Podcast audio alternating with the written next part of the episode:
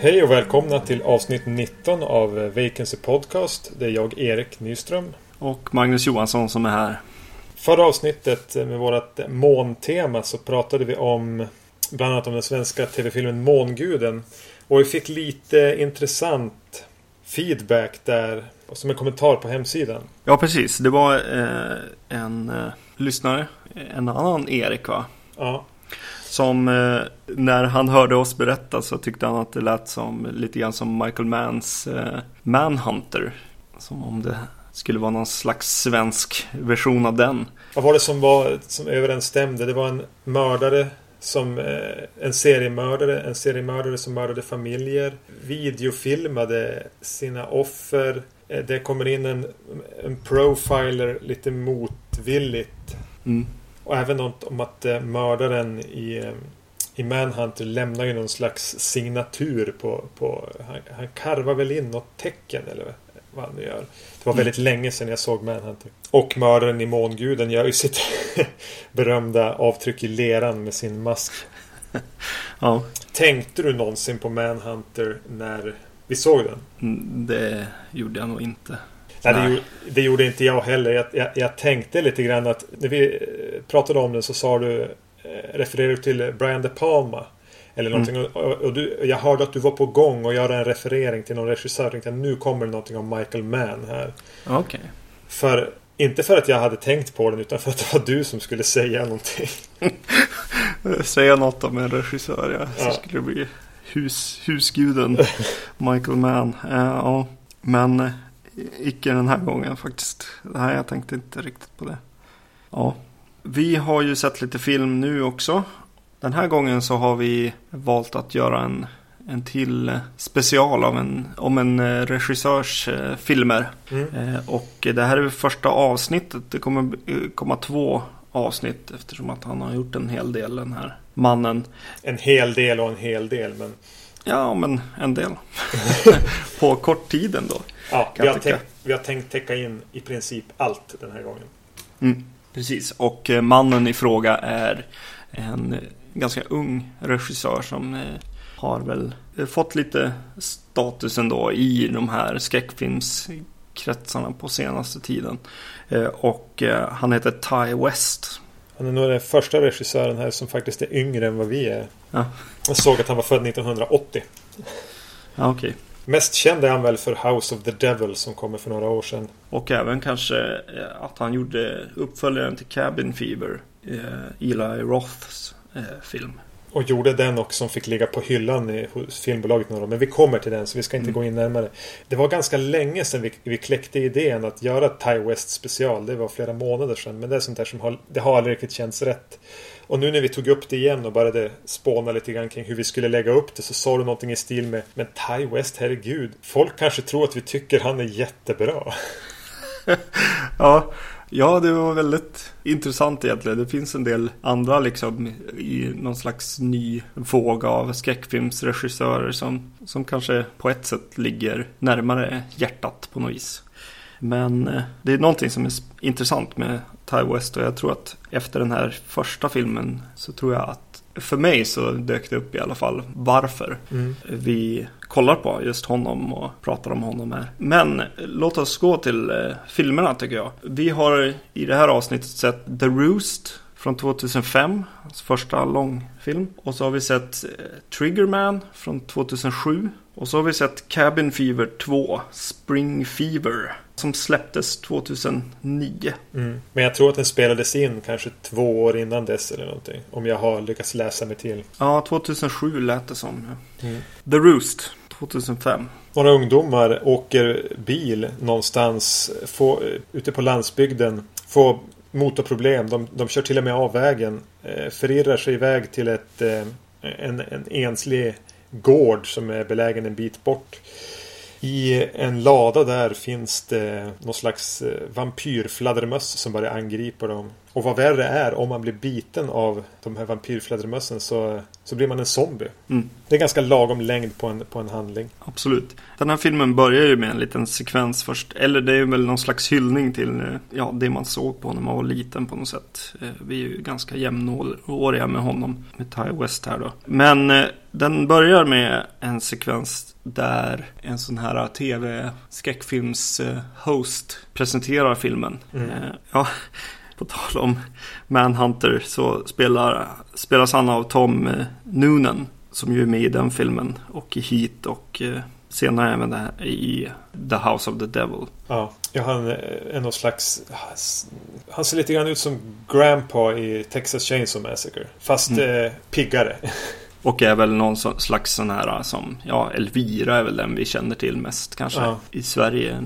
The Crypt Keeper i Tales from the Crypt. Mm. Som att det här vore ett eh, återkommande tv-program. Vad tycker du om, en, vad tyckte du om den början? Ja, eh, ja, om jag ska hoppa vidare så, så tycker jag att den, den, funkar som intro på den här filmen. Som en, en slags början och jag gillar den nog. Han, Tom Noonan själv är ju inte liksom den bästa. Han, han, han, verkar, han har ju förmodligen aldrig sett någon sån här eh, skräckfilms liksom host överhuvudtaget. Han är verkligen inte i sitt Eh, esse på något sätt. jag tycker han känns lite grann som en förvirrad John Malkovich. Som går omkring där. Det är någonting med sättet han pratar på. En osäker John Malkovich. Ja, precis. Tyvärr kommer han ju tillbaks. Jag hoppar lite. Men han kommer ju tillbaks vid något tillfälle mitt i, i handlingen senare. Det, det är bland de, de negativa sakerna jag kommer säga om den här filmen. Och det är att de bryter av liksom när, när man just har börjat bli lite investerad i filmen ändå. Du lyckades bli investerad i filmen. ja, men den har ju inga liksom, karaktärer. Det är ju inte så att jag är investerad i, åh, kommer de liksom klara sig och så. Men jag tycker ändå att eh, skräckscenerna, liksom, det känns som det finns någonting eh, lovande i dem ändå. Även om det byggs väldigt mycket på musiken och, mm. och att de är väldigt överdriven. Den här, hela den här filmen är liksom mycket klichéer och, och sådär. Men eh, ja, nej men Jo, jag ville nog se mer vart den tog vägen i det fallet. Eh, än, än att klippa bort från den och säga ja men det är bara på låtsas allt det här. Liksom. Mm.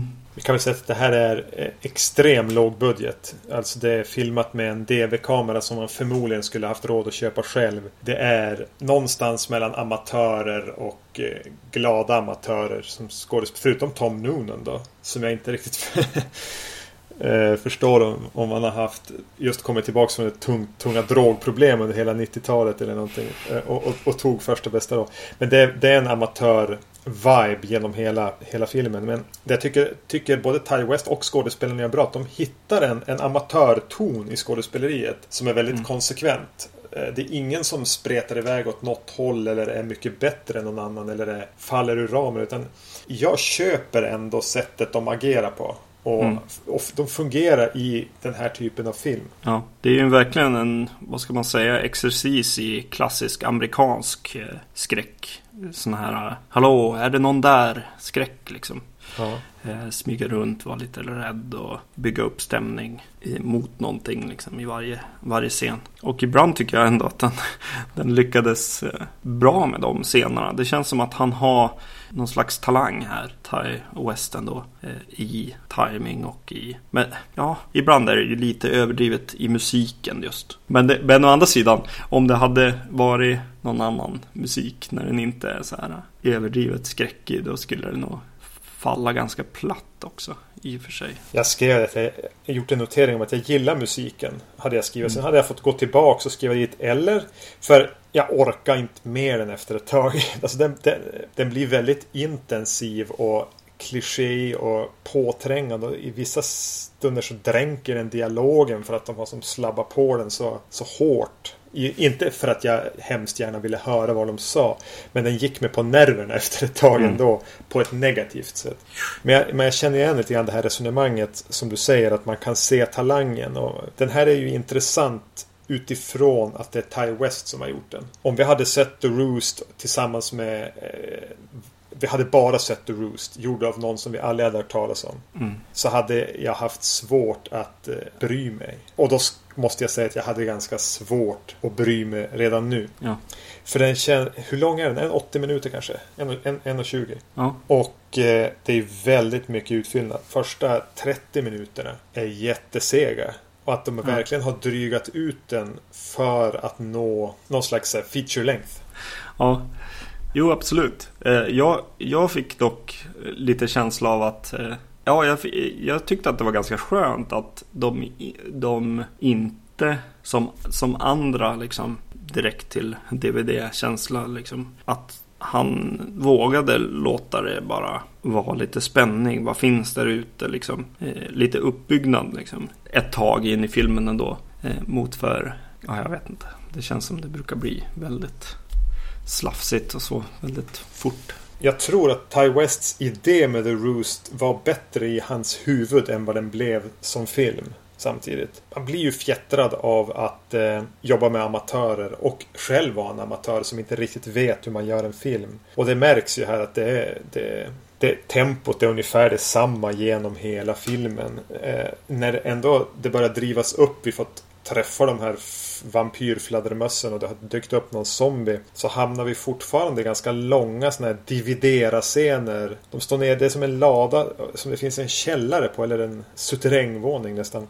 Mm. Och de står där nere någon gång och dividera. Ska vi göra det? Eller ska vi dit? Eller vi går ditåt? Eller ska vi klättra upp? Eller de går och tittar ut. Hur, I en evighet. Mm. Det var mycket av det där som liksom bara höll på. Ja, Eh, det var, det var en lite rolig grej med just det här med budgetgrejen. Som fick mig faktiskt att kanske inte hoppa till men haja till. Och det var första gången vi ser en, en av de här fladdermössen. Eh, när de kör, kör av vägen så, så dyker det upp en, en fladdermus just framför bilen. Jag blev, jag blev så förvånad av just det här. Ja men det är bara DV-budget, direkt till DVD-budgeten. Och så helt plötsligt så kommer en fladdermus in i bilden. Ja, jag blev väldigt förvånad över att effekten liksom överhuvudtaget existerade. Så Ja men det eh, var ju, det var ju ganska Precis, man hade kunnat förvänta sig den här första gången det ska dyka upp något att de bara hade köpt en sån här gummifladdermus som Ozzy trodde att han tuggade på och bara kastade den på bilrutan eller någonting. Men det är ju en, en datoranimerad fladdermus. Och den, den, som du säger, den är ganska bra. I, I förhållande till budget och resten av filmen är den till och med mycket, mycket bra. Mm. Och flera av scenerna när de kommer nedsvepandes i den där ladan och flyger ut och dyker upp. Det är bra fladdermuseffekter. Mm. Jag förstår faktiskt inte riktigt hur de har gjort dem. Har de bara haft en, en, ett snille med, med en bra dator? Ja, precis. Ja, men det lär väl vara något sånt. Eller om de bara är väldigt, väldigt duktiga på att använda effekten. Ja men visst, den har ju... Den har ju det, jag tycker det är en jättebra titel. The Roost. Jag, jag Mm. vet inte direkt vad det är, men det har väl typ med eh, ett näste att göra. Alltså ett, ett roost med fladdermöss är det väl. Som Mm. en A Murder of Crows. Alltså, det är en jättebra titel. Förtexterna tyckte jag var fina. Ja, definitivt. Det tror jag vi kommer komma tillbaks till också. call, call sign. Men det finns en del senare också. Jag tycker att det, när polisen kommer tillbaks eh, och anfaller tjejen där och ja, sen börjar de liksom brottas med den, med den här zombien. Då. Jag vet inte, det kändes väldigt så här. Ja, jag vet inte. Det kändes lite häftigt att det helt plötsligt liksom var lite ändring och och även så fick man lite käns vibbar av liksom den här liksom skräp italienska skräcken på något vis i just den scenen. Just för att den, han anföll tjejen där och det blev lite konstigt obehagligt tyckte jag. Mot för att bara hoppa fram och bita någon i nacken liksom. Känslan är att du tyckte lite bättre om The Roost än vad jag gjorde. Eh, det gjorde jag nog. Jag, jag, jag tänker på de här direkt till DVD-filmerna. Och jag, ja, mycket kanske har med att vi har det här temat och att man, man tänker på honom som någon slags oslipad diamant. Men han kommer, jag vet inte om han, om han kommer upp i den diamantstatusen. Men, någonting, någonting oslipat är det här i alla fall.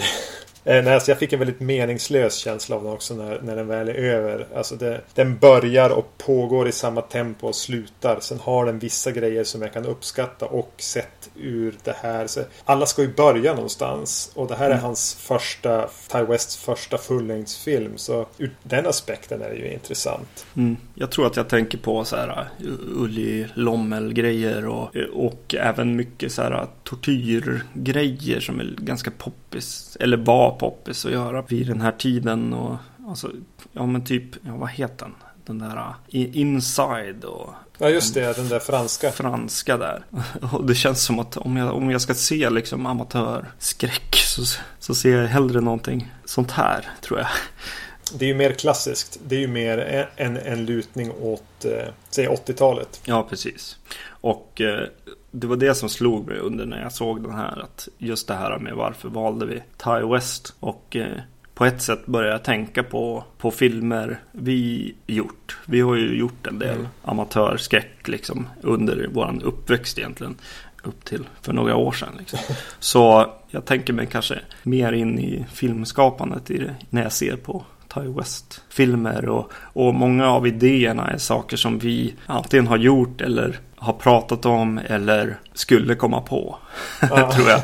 Han, han, är ganska lik det vi brukar prata om tror jag. Ja, jo. Ja, vi skulle säkert ha jättetrevligt eh, och umgås med Ty West. Ja, precis. Ja, men ska vi gå vidare? Till Triggerman från 2007 eh, va? Mm. Det här är återigen det här man ska kunna beskriva en handling med, eh, med en mening va? Ja precis. Den här handlar ju om lite så här uh, city folks. Höll jag på att säga. Nej men storstadsbor som åker ut, till, ut i skogen för att jaga egentligen. Det är en, en av kompisarna i ett kompisgäng som, som har väl börjat följa med någon och jaga. Så han tar med dem ut och liksom med några öl och, och ska ut och skjuta rådjur eller vad det är. Under tiden de är ute så blir helt plötsligt en av dem skjuten. Mördad av någon annan. Någon som vi inte får se utan eh, han står bara på en klippa och blir beskjuten helt plötsligt. Ja, sen gäller det för de två kvarvarande att eh, kämpa för sitt liv och överleva mot eh, den här skytten. Jägarna blir villebrådet. Och återigen så har han Den är ju filmad med en eh, digitalkamera. Jag tror att han har köpt en ny här till West. En sämre? Du tycker den här var sämre? Ja, den här ser mycket värre ut tycker jag. Men jag tror att det har med att det är mycket ljus och det blö blöder liksom in sådär eh, klassiskt eh, DV liksom. Mm, jo, det är. Den ser lite ut som början av den här Inland Empire. David Lynches film.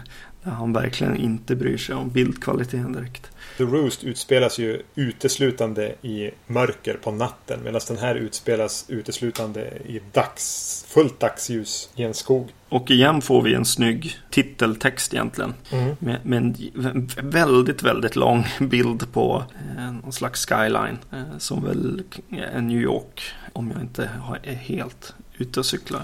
Nej, jag tänker att det är New York i alla fall. Ja, och så börjar den ju också med lite tydligt stulna bilder i, på New Yorks gator som när det här gänget samlas och ska iväg. En har bråkat med sin tjej och de går och köper lite öl eller vad det är han köper i en butik. Och eh, de bilderna påminner mig väldigt mycket om eh, början på I Spit On Your Grave. En film också om, om en storstadsmänniska som åker ut till skogen. Också en, en stark känsla av att det är stul, stulet material. Att han eh, måste filma det snabbt och, och ibland känns kameran som att den, den bärs liksom nere vid höften för att inte liksom märkas så mycket i den här filmen. Det är väldigt skakigt och handhållet foto i det här för att ge en liten dokumentär känsla antar jag. Man ska nästan kännas som att man är den fjärde deltagaren. Absolut. Det är väldigt mycket zoom. Det är verkligen zoom-kalas på något sätt. Eh, de zoomar in och ut hela tiden och eh, ja, lite skakigt och sådär. Ja, jag, jag, verkligen o, jag, jag verkligen ogillar det i, i den här filmen. Det känns som att han har försökt göra den här eh, känslan av amatör. Men han gör det så, han, han, ja, han tar det för långt helt enkelt. Det känns som att det blir, det blir amatör. eh, filmat. Ja, det, det, är som en fin linje däremellan på något sätt. göra det där snyggt på. Jag vet att han har sagt, Ty West, att han hatar ju egentligen hur digitalt foto ser ut. Han vill, men det är ganska dyrt att, att filma på, på film. Så, mm. så han eh, här ville använda det här skakiga och dokumentär och överdrivet zoomade, ryckiga hit och dit. För, egentligen för att dölja det faktum att han filmar den digitalt. Han tänker ju slafsigare och, och, och, och hoppigare och hackigare och zoomigare det är. Desto mindre Alltså då, då, då, då, fungerar det bättre med en digital look på den. Mm. Det är hans filosofi. Ja, tänkte du på början här? Jag tänker på en film vi faktiskt har gjort. När de ska åka iväg. Ja. Det, det känns så, ja, nej, självrefererande men ja, just, just det här att åka ut till, till ödemarken med bil och från staden och Gra grabbgänget. Ja, precis. Eh, sen är ju hela idén en idé vi har haft på en film. Men aldrig kommer oss för att göra. Det är en sån vi har pratat om sen tio år tillbaka. Att liksom några som är i skogen och helt plötsligt så är det en jägare som skjuter en av dem. Ja, precis. Och det är precis, nej, men det, det är samma koncept där. Ja, precis. Ja, det är lite kul faktiskt med just den här filmen. Att den är så väldigt lik liksom tankar som vi har haft. Precis som i The Roost så tycker jag att de hittar den här amatörtonen igen i skådespeleriet. Det här är också ungefär samma, kanske att det är lite inte... Nej, det är samma amatörnivå på de här skådespelarna. Och de hittas, mm. de, de, de fungerar bra ihop som en grupp. Och man köper det. Man kan känna att det här är inte jättebra. Men det fungerar på exakt samma sätt som i The Roost. Ja, han är ju intressant kan jag tycka. Eh, rent visuellt. Han som eh, har det här tjejproblemet i, i filmen. Han som har en jätteful frisyr. Ja, och eh, de här tatueringarna på armen. Han har väldigt intressant ut, utseende. Ja, man blir nyfiken på vad som försiggår liksom, i hans eh, liv ute, utanför filmen på något vis. Bara på hur han ser ut. Och är designad liksom också. Med vad han har på sig och så. Hela det här grabbgänget är ju riktiga idioter också. Mm. Det är ju grabbiga eh, rasister typ. Ja, precis. Eh, man, man tycker ju inte direkt om någon av dem för det man lär känna dem. Sen utsätts ju karaktärerna för saker som gör att man ändå vill att de ska ta sig från situationen. Mm. Så på så vis skapas det en, en, lite, i alla fall för mig. Så att jag, ja. Eh, jag tänkte på ett eh, dataspel. Eh, Silent Hill 2 börjar med att man går väldigt, väldigt långt långt, långt, långt genom en dimma. Ja, ja. För att ta sig till staden. Från sin, man går från, från sin bil. Och detta för att känna att det inte är värt när det händer hemskheter att ens gå tillbaks till bilen. Det är liksom för långt. Vi, vi är borta, i, borta från civilisationen. Den här filmen gör ju samma sak med att de här killarna går väldigt, väldigt länge under en lång, lång sekvens och egentligen bara går. Och tyvärr så är ju fotot inte nog spännande för att göra det här intressant tycker jag. Att, att se tre killar gå genom skogen och kanske titta på lite grejer och sånt där. Jag lyssnade, jag lyssnade lite på kommentarspåret på, på den eh, första mm. Halvtimmen innan jag tröttnade. Och då sa han det Ty West att hela syftet, det tar ungefär det tar exakt 37 minuter innan det händer någonting. Så ungefär mm. halva filmen. Han sa det, hela poängen med det där var att tråka ut publiken till den grad att de kommer att tänka ingenting kommer att hända i den här jävla filmen. För att man då ska bli så överrumplad som möjligt när det väl händer. Mm. Ja, precis. Det hjälper nog ändå i slutet av filmen, säger, har jag skrivit här, för att Ja, undrar hur den skulle se ut om det, om det inte var där ändå. Men det är lite synd på fotot. Det, det, det kunde ha varit en intressant eh, gång. Eller en, en vacker i alla fall. Ja, jag störde mig aldrig lika mycket på fotot som du gjorde, tror jag. Och jag var all, heller aldrig riktigt... Jag var aldrig uttråkad under de här 37 minuterna. Som man mm. förmodligen skulle kunna bli. Mm. Däremot störde jag mig på att den här vildmarken. De är, känns inte så vild. Nej. Jag får verkligen känslan av att de är i en park inne i en stad och att det är hus alldeles bakom dem. Jag tyckte mig till och med höra trafikljud hela tiden. Men det kan lika gärna ha varit kameran som surrade. Uh, att det är så här max 100 meter till närmsta hus. Mm. Man får aldrig riktigt känslan av att de är bortom all civilisation. Och det är de väl inte heller sen. De är ju inte så långt ute för de kommer ju till, träffar ju på någon slags bebyggelse. Ja, precis definitivt så. Jag tänker på barndomen när man var uppe där i, i Skellefteåskogarna eller på att säga. Gick omkring och så helt plötsligt var det ett radhus där i skogen. Det är lite sån känsla. Man tror sig vara i skogen men är det inte alls. Men det tycker jag ändå. Nej men nu, nu visar de den här bebyggelsen och egentligen något som liksom motsvarar någon slags strandpromenad nästan. Ja. Som går genom området vid de här klipporna som de, som de går längs. Jag skulle nog säga att det verkligen är Ty Wests mest amatöriga film det här tycker jag. Jag tycker den är långt mycket mer så här, och vi, vi gör en film en helg mot för The Roost känns ändå planerad på något sätt. Det finns några specialeffekter, det finns några grejer liksom som, som måste klaffa och no, någon stunt och, och så i den. Här känns det verkligen bara som ett kompisgäng som gör en film ute i skogen. Är min känsla av den här i alla fall. Det känns som Ja, jag vet inte om du såg, såg du den här studentfilmen eh, som följde med The Roost eh, DVD-utgåvan? I alla fall den jag har. Jag tror inte jag har samma. Jag, det var bara några featurettes på den. Jag, men det kan ha varit en av dem. Men nej, så jag har inte sett den. Nej, eh, det följde med en studentfilm där som han hade gjort. Eh, där det var ett, eh, två killar som sprang genom förmodligen precis den här skogen. Mm. och skulle ta sig över, ett, över en bro som jag tror vi skymtar i den här Triggerman också. Det känns som att de har dragit ut liksom den och ändra lite i, i den är det ett något slags monster nästan som jagar dem genom skogen. Han är tydligen eh, både The Roost och Triggerman och tydligen även The Wicked är nog eh, inspelade i den här samma... The Wicked är alltså den här studentfilmen som du nämner. eh, för som sagt, jag lyssnade på 30 minuter av kommentarsspåret och då pekar han ut när de åker i bilen till det här i Triggerman så ser man i bakgrunden en lada. Han bara, ja där kan ni se ladan i The Roost. Och så kör de även över bron som de kör över i så de, han, han håller sig till sina hemtrakter där han och spelar in. I alla fall de här tidiga filmerna. Eh, nej, alltså jag tycker ju ändå att det här är ett steg upp från The Roost. Eh, rent i att jag blir mer, jag är mer engagerad. Jag blir inte lika, eh, jag får inte samma meningslöshetskänsla. Jag tycker att han får en, en, en nerv i det här. Det är någonting obehagligt med någon ute i skogen eller någonstans som har, ser mig och kan skjuta mig när som helst. Men jag vet inte var eller när. Det är någonting väldigt, väldigt obehagligt med det. Mm. Som jag tycker han lyckas fånga. Och det gav mig den här lilla kicken med den här filmen. Mm. Plus att den har det här. Den är ju enkel men den, den har ju skaparglädje. Den är ju, kre, den är ju sprungen ur kreativitet av att göra något. En enkel film. Mm. Det här är ju andra gången jag ser den här filmen.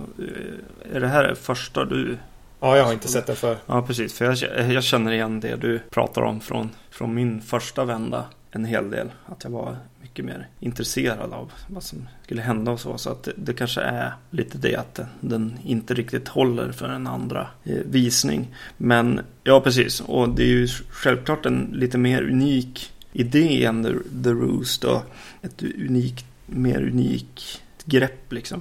Och eh, ja, det är ju en bra idé eftersom att vi också har haft den. Så. Och sen är det här att, att nu i, nu börjar den väl vara slut, men i, i, i Norrland, här i Skellefteå, så har det varit älgjakt nu sista, senaste månaden. Jag vet inte riktigt när den börjar. Jag jagar inte, jag äter inte ens kött. Men jag vet att man har varit ute i skogen ibland vid den här tiden så har man ju hört att det har skjutit längre upp i skogen och sådär. Man får nästan den här känslan att det här kan ju nästan hända. Mm. Jag tycker att han, han, rundar av den här ganska slafsigt. Liksom. Eller slafs, havs, äh, hastigt. Ja, det tycker jag både The Rooster och den här lider av. Den, den har ju mm. inget slut. Den har ju inget värdigt slut. Nej, precis. Och det kommer vi komma tillbaks till. Tror jag också.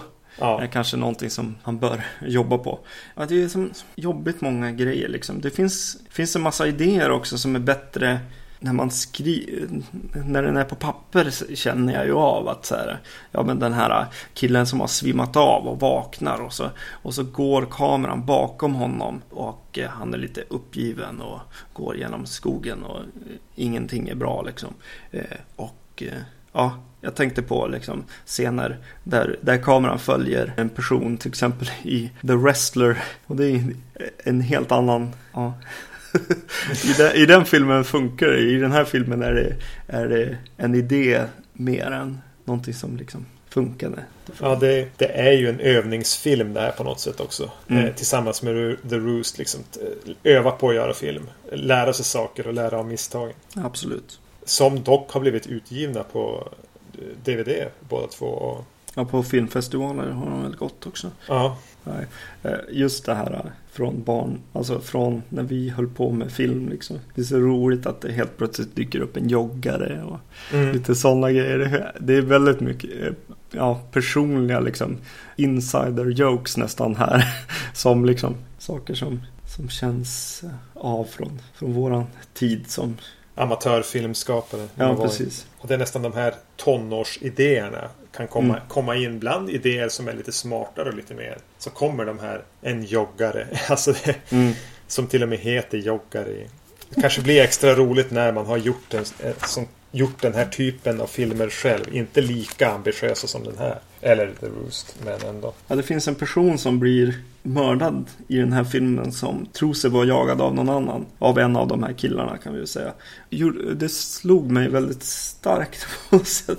Det, äh, det är en riktigt jobbig idé att eh, bli skjuten och ligga och tänka att jag blev skjuten av den där personen. Men det inte var så. Ja, det är någonting som, som var väldigt, ja, det var väldigt märkligt för mig. Det kände jag att, eh, jag vet inte. Det är väl lite så här livet efter döden grejen bara. Ja, men eh, kommer hon nu liksom, ja, nej, jag vet inte. Det är så konstigt att inte veta vad man dog av själv. Dö och tro, ja, i tron att det var någon annan som dödade. Ja, jag vet inte. det blev någon slags filosofisk tanke där. Mm. Det, det, borde väl vara ett tecken på att vi har tagit oss så långt in i Triggerman som eh, bara möjligt är. Jag föredrog Triggerman framför The Roost. Men det kan nog ligga någonting i det du säger att den verkligen inte håller för en andra titt. Nej, Nej och i den här så kan jag sakna ibland att ja, men han, han ville göra det så verkligt på något vis i den här filmen. Och eh, ibland så tycker inte jag bilderna håller för att skippa musik till exempel i vissa scener. Eh, där det ty tydligt skulle nog bli lite bättre om det var någon liten gnissla eller någonting liksom. Men eh, ja, nej, jag tyckte mer om The, The Roost än den här ja. I alla fall den här gången. Eh, men den här är ju mer eh, unik. Mm. Den, är, den är en roligare idé. Helt klart. Samtidigt är väl ingen av de här filmerna några man bara måste se. mm. Jag skulle ju inte rekommendera någon att se dem om det inte vore det att man vill liksom följa Ty Wests utveckling som regissör. Han, han har sagt också att han börjar ju tappa intresset om man, om man måste liksom filma på mer än 16 dagar eller något sånt där. Den här är ju filmad på 7 dagar vilket är en intressant tanke egentligen.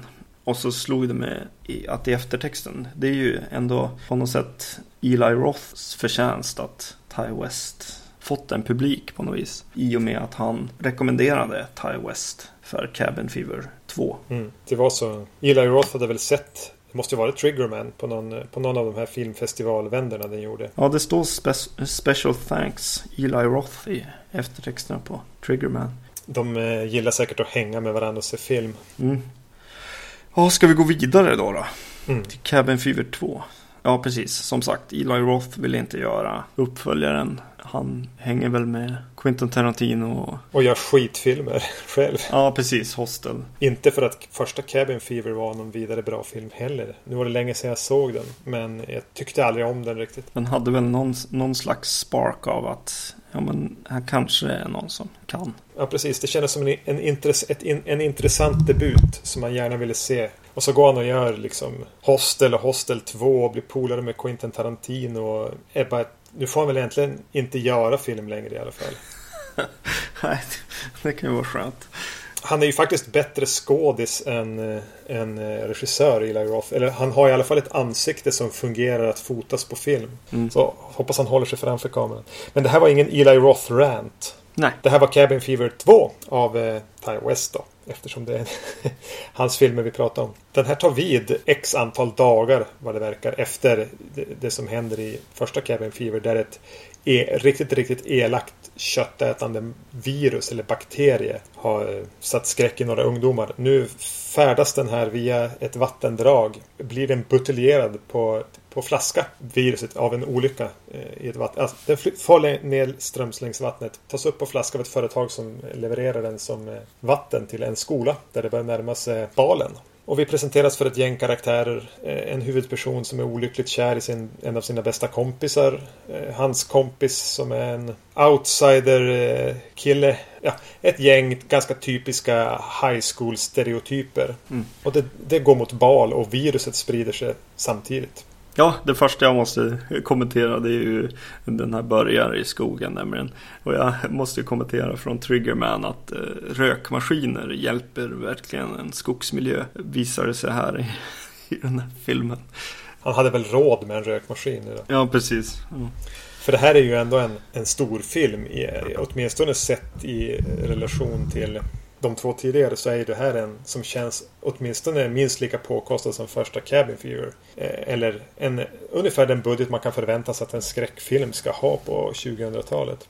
Ja, det slår mig ju redan i liksom hur många antal klipp det är i filmen. Det är enormt mycket mer kameravinklar och sånt i scener än i, i de andra två filmerna som man har gjort. Den här idag, som vi sa, den här låg på hylla i två år tror jag innan den släpptes. Och Ty West har gått ut och, och eh, avsagt sig den här filmen. Han vill inte ha någonting med det färdiga resultatet att göra. Han klippte sin version, bolaget tog av den, klippte om den. Mm. Eh, han tycker att hela poängen och tonen som han var ute efter har gått förlorad. Det är inte stora grejer samtidigt. Det är inte så att det är mycket som är omklippt. Det är bara om små trimningar och några grejer som är bortklippta. Någonting som är ändrat ordningen på och sånt. Utan, och han, han tycker inte om den själv. Han, han tyckte nog framförallt att den tappade mycket av den bizarra humorn och, och vissa liksom. Ja, vad, vad säger man? Vad heter han? John Waters element liksom. Med liksom lite överdrivet. Ja, jag vet inte. Ja, vad, han vad... nämner bland annat Star, Star Wipes och sådana i övergångar och sånt där som som han tycker var viktigt för den här filmen som, som inte är med i slutresultatet. Ja, det kommer ju sån här anime, det är en animerad förtext som en serie, en tecknad film och det kommer även ett segment mot slutet som är tecknat. Mm. Men så det hans, vad siktade han på riktigt här, Ty West? Det är någon slags så här absurd humor där det ska vara lite, nästan lite surrealistiskt, nästan lite Twin Peaks eh, fast, eller Twin Peaks parodi på något vis. Saturday Night Live driver med Twin Peaks med hög budget. Blandat med någon slags eh, Judd Apatow komedistil. Alltså han som har gjort de här som jag verkligen inte tycker om. Vad heter den? Supersugen och allt det där. Jag är extremt icke road av de komedierna. Och det känns lite grann som att det är en del av det finns i det här också. Eh, jag, jag tänkte väldigt mycket på James Gunn när jag såg den här. Eh, han har gjort Slither och Super bland annat. Lite trauma-kille också. Han skriver massa trauma-grejer. Och ska väl göra en stor Marvel-film härnäst. Eh, vad den nu supergruppen heter. Ah, ja. Inte Avengers men. Nej precis. Ja och så är det ju liksom det här 80-talskänslan. Uh, infinner sig ju. Det är ju lite The Breakfast Club. Ja jag skrev faktiskt ner så här Ferris Bueller's Day Off. Mm. Och plus då splatter. Alltså riktigt blodigt, slemmigt, äckligt. Ja, det sprutar bara blod överallt. Och... Vad heter den? Brain Dead. Ja, precis. Och någonstans i det här så ska man väl dels bry sig om huvudkaraktären och dels tycka det här är roligt. Och jag tycker inte om huvudkaraktären. Jag bryr mig inte ett skit om han. Jag brydde mig mer om alla karaktärer i de två tidigare filmerna. Eh, The Rooster och Triggerman. Och jag det är ingenting som ens är lite roligt i den här. Det är liksom mm. som att se en dålig ståuppare som missar alla skämt. Så upplever jag. Jag skrattar, jag blir inte, tycker inte att det är roligt att titta på den här lite skruvade, skeva världen. För den är bara platt. Ja, man undrar på något sätt om det är... Nej, det, det kan man inte säga. Men att det är någon slags vilja att få tillbaks den till Cabin Fever igen. Nej, den embracear ju all sjuk humor fortfarande. Det är ju inte så att den är nedtonad. Eller det kan ju inte vara det. Nej, men det är bara som att all den här lite sjuka humorn blir bara Jaha, det blir bara meningslöst. All, I princip allting. Eh, de har skrivit in om polis som är kanske den mest skruvade karaktären. Eh, som en blandning mellan, tänkte jag, Dewey i Scream och eh, vad heter han? Steve Urkel. ja. Han är ju tydligen med i Cabin Fever. En återkommande karaktär men ja, jag vet inte. Jag höll på att bli vansinnig på honom. Ja. den är ju jobbig humor. Den är ju alldeles för grabbig eller svår och den, för, den försöker väl vara jätte opolitisk. Eh, icke politiskt korrekt helt enkelt. Mm. Det är en massa liksom, eh, skämt om sex med underåriga och ja, en massa konstigheter. Och munsår och, och äckligt med ja, tjocka människor är äckliga. Och, alltså den, alltså den här, det, det, det jag tror det handlar om att den bommar tonen något fruktansvärt. Mm. Den här är en film som bygger på att den ska kunna pricka in en slags ton och en känsla. Och den skjuter 200 meter över målet. Alltså den är ju påkostad. Den är säkert, alltså, effekterna ser ganska bra ut och det är liksom skådisar som känns som...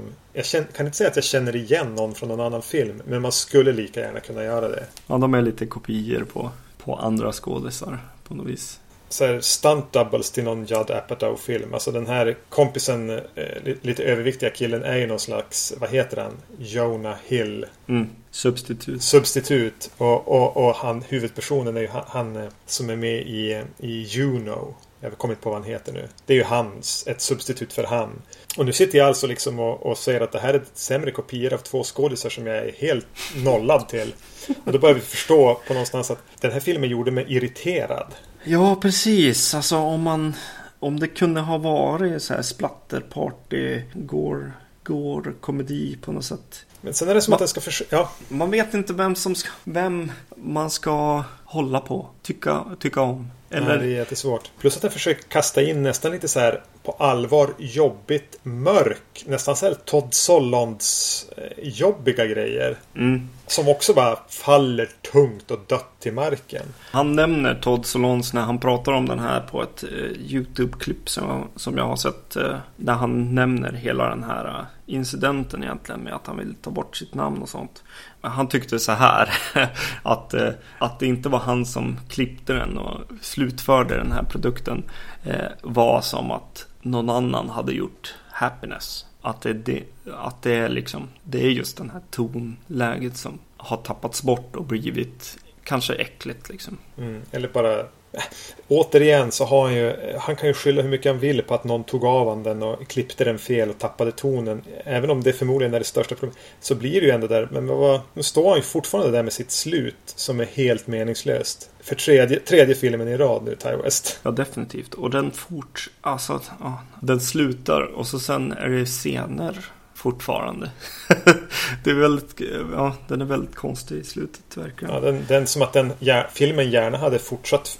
Men, men att någon bara, nej, nu har vi nått 90 minuter här, nu, nu får det inte vara längre. Nej, det är svårt. Eh, om, om man, okej, okay, vi tar bort Ty West ett, ett, slag så står ju fortfarande filmen där och är vad den är. Och det är ju, nej, det är inte riktigt helt okej okay, helt enkelt. Jag tänkte att jag skulle anstränga mig och hitta några bra grejer i alla fall. Mm. Eh, det är en scen när den här huvudpersonen jag kommer inte ens ihåg vad han heter. Han skäller ut den eh, tjejen som han är olyckligt kär i, som är hans bästa kompis. Liksom skäller ut henne för att, att hon är ihop, istället har varit ihop med någon riktig idiot. Att hon omöjligt inte kan ha förstått hur förälskad han har varit i henne och han är liksom ganska hård mot henne. Och jag tänkte, det där är inte dumt. Det där har liksom, det finns en liten nerv i det där. För det är på något sätt ganska innerligt och självutlämnande. Det är bara det att i den här kontexten så slarvas det bort fullständigt. Men jag gillade den ambitionerna som fanns där. Mm. I, I, en bättre film hade det kunnat vara en riktigt bra scen. Sen det, har jag ingenting negativt att säga om musiken. Nej. Hörde du att Prom Night-låten var med? Ja, precis. Det var ju fantastiskt. Roligt. Låten vi nämner i avsnitt eh, kanske 10-11 där någonstans när vi i filmen Prom Night så sjunger de ju en discolåt som heter typ Prom Night. Och den, är, ja. den dyker upp här igen på balen. Mm. Ja, alltså den är en sån fin linje liksom. Just, ja men som du säger, Todd Solons grejen att eh, ja men det här är ju riktigt, det här kunde vara fint, en del av de här grejerna. Eller ja, de skulle kunna funka liksom. Men nu blir det verkligen, ja, det tappas bort. Alltså det kanske är så att vissa ingredienser ska man inte blanda. Alltså mm. Todd Solondz, Ferris Bueller, Brain Dead. Det blir ingen god trerätters. Nej. Eh, särskilt inte om kocken är, eh, får ju arbeta utan händer och dessutom inte är så bra på det han gör. Ja, precis. Jag hade sett den här tidigare. Eh, och då tror jag inte att jag var... Då blev jag mer förbluffad över vilken märklig film det var. Det är ju inte en typisk uppföljare till en eh, halvlyckad sådär. Vi gör samma sak en gång till. Utan den är ju verkligen ett försök att göra någonting lite udda och unikt.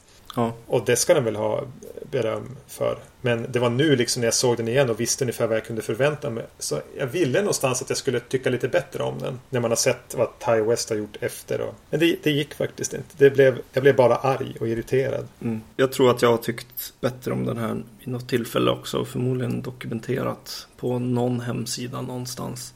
Eh, I någon slags recension. Det skulle vara väldigt intressant att se vad jag skrev om den då. Om vi hittar det så kan vi ju länka till det i avsnittet. Ja. Ja, precis. Jag vet inte om jag sa det, men eh, jag provar att lägga ut det där eh, i YouTube-klippet också. På Ty West. Ja, gör det. Gör I notesen på hemsidan. Mm. Jag, jag har inte sett det så det vill jag gärna göra. Eh, vi har väl nu kommit... Jag tycker att vi har pratat klart om Cabin Fever 2 nu. Ja. Eh, om inte du hade någonting ytterligare att säga om den. Nej, du, du nämnde ju Prom Night-låten och det var ju det viktiga. Nej. Nej. Vi har sett eh, de tre första av de fem Ty West-filmer vi kommer att se. Det har ju inte varit någon bra början. Nej, inte direkt. Det jag får ut mest av det är som sagt minnen från när vi gjort, gjort film egentligen. Ja. Men eh, det är ju väldigt personligt och det har ju ingen riktigt annan varit med om kanske. Så att, och, Jag kan tycka det är kul att se den här som jag upplever en liten... st- Först The Roost som är sin typ av 80-tals eh, skräckfilm. Mm. Och sen eh, en liten egen idé i, Tri- i Triggerman som jag tycker är ett snäpp ovanför The Roost. Att det, att det bygger upp mot någonting. Sen kommer den här Cabin Fever 2 och förstör allting. Dels genom att vara så helt annorlunda. Vara så mycket dyrare och så mycket mer... Ah, jag ser inte den här röda tråden som jag tycker med serien om tidigare. Mm. Den bara klipps av. Så att eh, avsluta del 1 med, med den här kändes lite snopet. Samtidigt har jag ju sett de två filmer vi kommer till i nästa avsnitt och vet att, att eh, det fanns faktiskt en anledning till att vi valde att ens utforska andra Ty West-filmer. ja, jag har faktiskt en osedd redan. Eller fortfarande så att det ska bli spännande till nästa gång. Vi kan väl avslöja redan nu för de som inte redan känner till Ty West att eh, vi kommer då att se House of the Devil och eh, The Innkeepers som släpptes på DVD bara i våras någon gång. Precis. Ja, eh, ni kan ju som sagt eh, kolla in oss på vår hemsida vacancy.se. Ni kan eh, mejla oss på podcast.vacancy.se. Frågor, funderingar och så vidare. Kommentarer på Ty West. Ni kan lyssna på oss på iTunes och så vidare. Tack för idag. Tack och hej! Hej hej.